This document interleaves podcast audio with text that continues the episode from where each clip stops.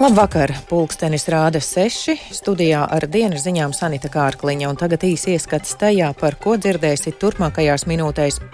Ārlietu ministrija izsauc Krievijas vēstniecības pārstāvi skaidrot Latvijas amatpersonu izsludināšanu starptautiskajā meklēšanā un aicina ikvienu izvērtēt došanos ārpus Eiropas Savienības un NATO. Satversmes tiesa sākusi vērtēt valdības lēmumu, kas ļauj cirst jaunākus kokus, bet Grieķijas parlamentā šodien debatēts par likumprojektu, kas atļaus vienzimuma laulības. Par šiem un citiem tematiem plašāk ziņu turpinājumā.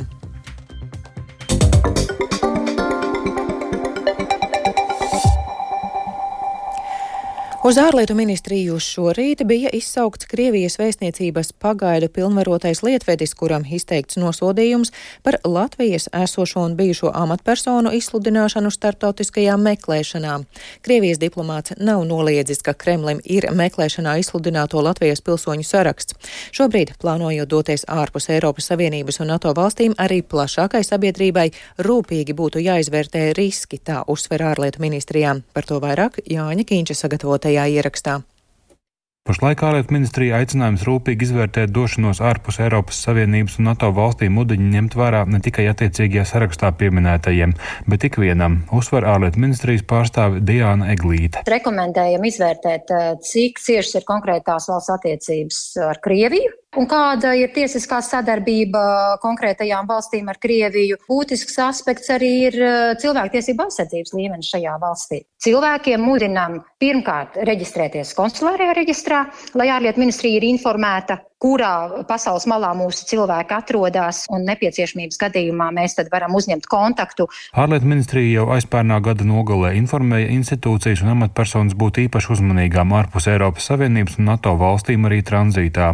Atgādina arī valsts prezidents, toreizējais ārlietu ministrs Edgars Rinkēvičs. Publiskotie saraksti nav nekas pārsteidzošs, un tie varētu būt arī plašāki. Krievijas federācija tiešām turpinās piebiedēt, baidīt. Mēs nekādā veidā neļausimies piebiedēties, bet tas nav nekas jauns. Ārlietu ministrijas mājaslapā ir vairāk nekā 150 brīdinājumu saistībā ar ceļošanu, kā arī informācija par ārlietu ministrijas konsulārā departamentu un Latvijas pārstāvniecību tālruņa numuriem. Sarakstos iekļauto personu riski apsverot došanos ārpus Eiropas Savienības un NATO ir jāņem vērā arī plašākai sabiedrībai. Uzsver arī Saimnes Nacionālās drošības komisijas vadītājs Ainārs Latkovskis no jaunās vienotības. Agrāk jau arī atsevišķi zinātnieki un žurnālisti mēģinājumu doties aizvest uz uh, Krieviju vēl pirms Krimas okupācijas, uh, bija redzams, ka vīzas netika izsniegtas. Ir vairākas pakāpes teiksim, arī neielaist. Tagad saprot, ka neviens pats uz Krieviju uh, normāls cilvēks vairs neraujās, tad ir jau otrā pakāpe, nevis liekt iebraukšana, bet izsludināt starptautiskā meklēšanā.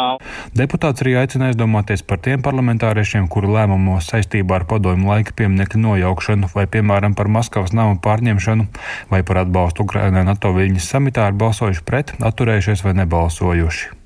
Krievijas ietekme ārvalstīs un riskus tajās uzturēties Austrumēropas politikas pētniecības centra pētnieks Mārcis Balodis vērtē kā atbildes soli uz citu valstu aktivitātēm. Viņš atgādina par aizturēto apmainīšanu, ko Krievija vairāk kārt realizējusi tas risks īpaši paaugstinās, dodoties uz NVS valstīm, kurām teiksim, attiecības ar Krieviju ir labākas, atvērtākas. Un saprotams, ka Krievijai visvairāk, protams, arī interesē teiksim, teiksim, lēmumu pieņēmēji, tās ir amatpersonas, bet, protams, arī nevajadzētu. Ja histērijā kristijā, ka uzreiz kolīdz pārkāps Eiropas Savienības vai NATO robežu, reiz nozīmēs, ka uzreiz izdošana Krievijai nav gluži tā, jā, ka visas valsts ir gatavas sekot Krievijai un tās norādēm. Bet, eh, principā, raugoties ilgtermiņā, ir jārēķinās, jā, ka Krievija ir, ir gatava spērt dažādus soļus, lai nepaliktu atbildi parādā. Jānis Kins Vincis, Latvijas radio. Ukrainas bruņotie spēki kopā ar Ukrainas izlūkdienestu ir veikuši operāciju Melnajā jūrā. Tās laikā Krimas piekrastē iznīcināts Krievijas desanta kuģis Cezar Kuņikov. Tā pavēstījis Ukrainas armijas ģenerālštābs. Uzbrukums veikts ar Ukrainā ražotiem jūras trieciendroniem. Kā norādījis Ukrainas izlūkdienests, uz kuģa varētu būt bijuši aptuveni 90 apkalpes locekļu. Nekādi meklēšanas vai glābšanas darbi nav notikuši.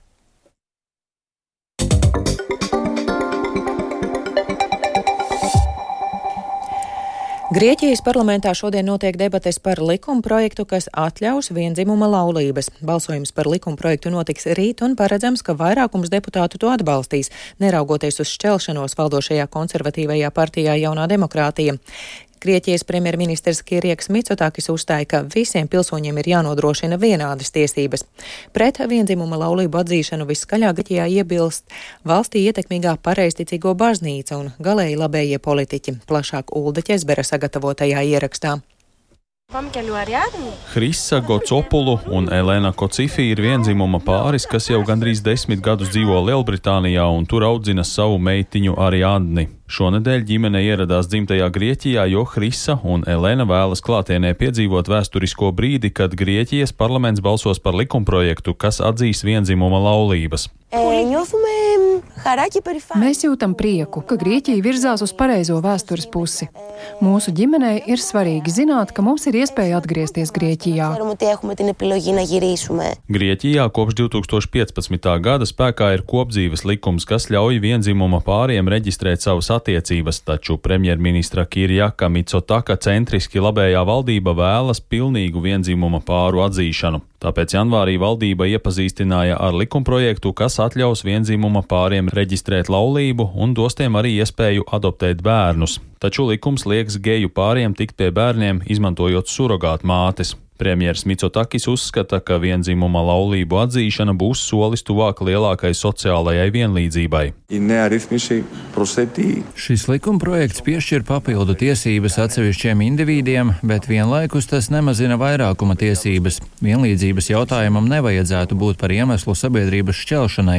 Galu galā mūsu demokrātija nepieļauj divu kategoriju pilsoņu pastāvēšanu. Sabiedriskās domas aptaujas liecina, ka aptuveni puse Grieķijas iedzīvotāju atbalsta atbalsta vienzimuma laulību atzīšanu, taču vairākums grieķu iebilst pret pilnīgu vecāku tiesību piešķiršanu geju un lesbiešu pāriem. Likumprojekts ir radījis nopietnas domstarpības valdošajā partijā Jaunā demokrātija, kuras konservatīvāk noskaņotie deputāti neatbalsta vienzimuma laulību atzīšanu un vecāku tiesību piešķiršanu vienzimuma pāriem. Mitsotakis paziņoja, ka viņš nemēģinās pārliecināt šos kolēģus mainīt savu nostāju. Nedēļas nogalē galvaspilsētā Atēnās daži tūkstoši cilvēku piedalījās demonstrācijā pret vienzimuma laulību atzīšanu. Klātesošos uzrunāja pazīstami galēji labēji politiķi un pareisticīgo baznīcas garīdznieki. Baznīca uzskata, ka vienzimuma laulību atzīšana nopietni apdraudēs tradicionālās ģimenes. To uzsvēra arī priesteris Joannis Fotopulus. Ģimenē ir nepieciešams tēvs un māte, lai bērniem būtu līdzsvarota audzināšana, lai viņi būtu produktīvi un pēc tam varētu veidot savas ģimenes. Par spīti iebildumiem gaidāms, ka parlamenta vairākums likumprojektu atbalstīs. Tā pieņemšanai ir nepieciešams vismaz 151 no 300 parlamentu deputātu atbalsts. Valdošajai partijai Jaunā demokrātija ir 158 deputāti, taču sagaidāms, ka daļa no viņiem likumprojektu neatbalstīs. Uldis Česberis, Latvijas radio. Tepat Latvijā izstrādāt dzimstību veicināšanas stratēģiju. Šāds aicinājums izskanējis saimā, kur ilgtspējīgas attīstības komisijā tika skatīts jautājums par dzimstību Latvijā. Deputāti bijuši vienisprātis, ir jāsamazina īstermiņa nedrošība un jānodrošina finanšu stabilitāte ģimenēm, lai tās neatliktu plānus radīt bērnus. Deputāti arī lūdza labklājības ministriju uzņemties atbildību un izstrādāt šo dzimstības stratēģiju. Komisijas vadītājs Uģis Mitravits no Nacionālās apvienības cer, ka šie jautājumi jautājumi netiks vispārināti uz kopējo jautājumu loka. Tas arī būtu tas dokuments, kas jau precīzi identificētu cēloņus, kamdēļ mūsu dzimstība ir katastrofālā bezdibenī šobrīd, kādi tad ir tie modelētie datos balstītie risinājumi un sniegt priekšlikumus un šos priekšlikumus e, īstenot. Trešie, ceturtie bērni dzimis ģimenē un šis procents jau šādu ģimeņu skaits Latvijā ļoti lielā īpatsvarā.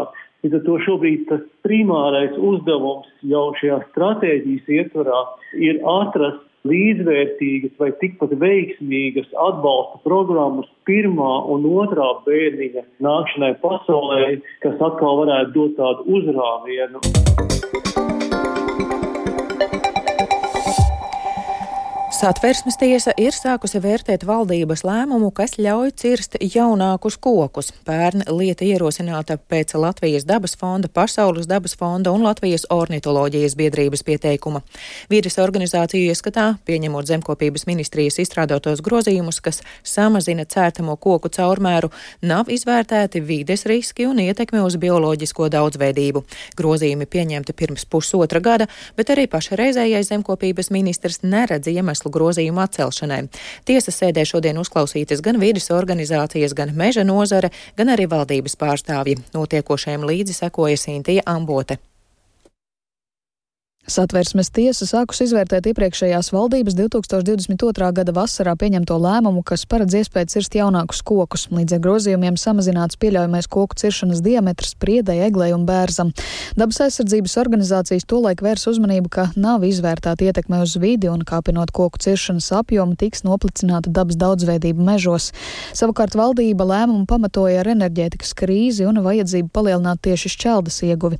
Pēcāk dabas organizācijas vērsās ar prasību prasību satversmes tiesā, un galvenos iebildumus iezīmē pieteicēju pārstāvi Baiba Baltilka no Latvijas dabas fonda. Samazināsies vēl vairāk vecu mežu, bioloģiski vērtīgu mežu īpatsvars, un aizvien vairāk palielināsies kā, mežu fragmentācija. Nu, jā, līdz to arī meža tās funkcijas, kas gan klimata stabilizācijai, gan ekosistēmas stabilizācijai, tas arī nevarēs tik ļoti pienācīgi pildīt. Nu, tur ir pārkāpts ne tikai satversmes 115. pāns, kas nosaka mūsu visu iedzīvotāju tiesības dzīvot labvēlīgā vidē, un arī valsts pienākumu rūpēties par vidas ilgtspēju, bet arī tātad līdzdalības princips. Zemkopības ministrijas izstrādāto grozījumu anotācijā tolaik lasāms, ka ministrija konstatējas, ka nepieciešams mainīt galvenās cirtas caurmēra skaitliskās vērtības, lai nodrošinātu arī zemes resursu efektīvāku izmantošanu un veicinātu mežaudžu ražību, kā arī palielinātu meža kapitāla vērtību, ikgadējo tīro ienākumu gūšanas potenciālu meža nozarē un meža nozares konkurētspēju. Tiesas sēdē zemkopības ministrijas meža departamenta eksperte Lelda Pamauska klāstīja, ka apstrīdējums apstrīdētajai normai nav būtisks ietekmes uz vidi, jo meža izstrādes platības esot pieaugušas nebūtiski. Galvenās cirtas pēc caurmēra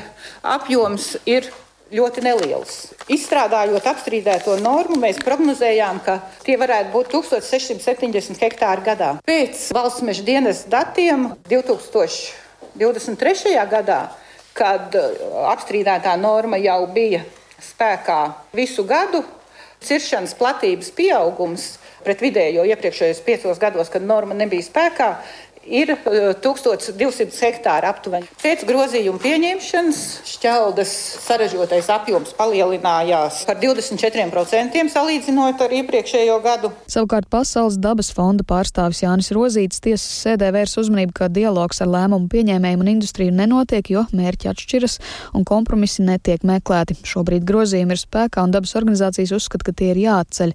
Tikmēr esošais zemkopības ministrs Armāns Krauze no Zaļo un Zemnieku savienības vērs Vērtējot Kaspara Gerharda laikā pieņemtos grozījumus, atzina, ka neredz iemeslus to atcelšanai. No ekonomiskā viedokļa tie grozījumi bija nepieciešami bet satversmes tiesas spriedumus ar lielu interesi gaidu. Satversmes tiesā lietas izskatīšana vēl turpināsies arī februārī un martā, bet lēmums gaidāms līdz aprīļa sākumam. Sinti Ambote, Latvijas radio. Turpinām par sportu. Pasaules čempionāts Biatlonā šodien turpināsies ar 20 km individuālajām sacensībām vīriešiem. Latviju tajās pārstāvēs Andrejs Rastorgujevs, Renārs Birkentāls un Aleksandrs Patrijuks. Sacensību sākums pulksten 18.20. Bijušais biatlonists un biatlona komentētājs Gundars Upenieks norāda, ka Rastorgujevs aizņemtā janvāra dēļ, kad aizvadīja trīs pasaules kausa posmus un pilnu Eiropas čempionātu, vēl nav pilnībā atjaunojies. Tāpēc pagājušajās brīvdienās notikušajās sprinta sprinta sacensībās, viņš mainījis savu taktiku. Par to vairāk stāsta Gundars Upenieks. Es novēroju, ka viņš ir mainījis šo tavu, savu taktiku. Nu, vismaz uz sprintu runājot, ja, kad, teiksim, tas eh, pirmais aplis, mēs, mums bija pierasts, ka mēs zinām, ka Andrejs ir ļoti ātrs pirmajos divos apļos, un tur trešajā, nu, nevienmēr sanāk tik ātru rezultātu parādīt, tad uh, sprintā viņam bija pilnīgi pretēji, jo par to, ka viņš ar katras nākamais aplis, jā, viņam bija ātrāks. Un to, ko mēs novērojam ar iedzīšanā, viņam arī bija pietiekami ļoti zolīts ātrums. Tā kā, nu, jācer šodien, kad arī tas ātrums saglabāsies, un, protams, kā jau individuālajā disciplīnā precizitāte no nosaka šeit nu, ļoti daudz. Ar to izskan dienas ziņas sešos vakarā. Producents Viktors Pupiks ierakstus montēja Renāša Teimanis pie skaņu pults Mārtiņš Paeglis, bet studijā Sanita Kārkliņa un vēlreiz īsumā par dienā svarīgāko. Ārlietu ministrijā izsauc Krievijas vēstniecības pārstāvis skaidrot Latvijas amatpersonu izsludināšanu starptautiskajā meklēšanā un aicina ikvienu izvērtēt došanos ārpus Eiropas Savienības un NATO. Satversmes tiesa sākusi vērtēt valdības lēmumu, kas ļauj cirst jaunākus kokus, bet Grieķijas parlamentā šodien debatēts par likumprojektu, kas atļaus vienzimuma laulības.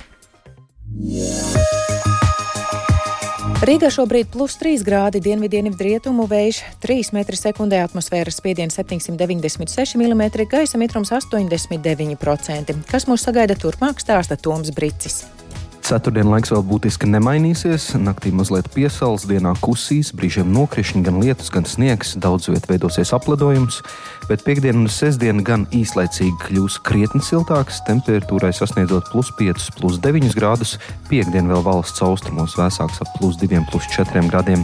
Brīžiem joprojām gaidāms lietus, un šajās siltajās dienās apledojums Latvijas austrumos no kokiem nokusīs, bet ceļi gan daudz viet var saglabāties ar ledus kārtu. Svētdien jaunās nedēļas sākumā atgriezīsies sals.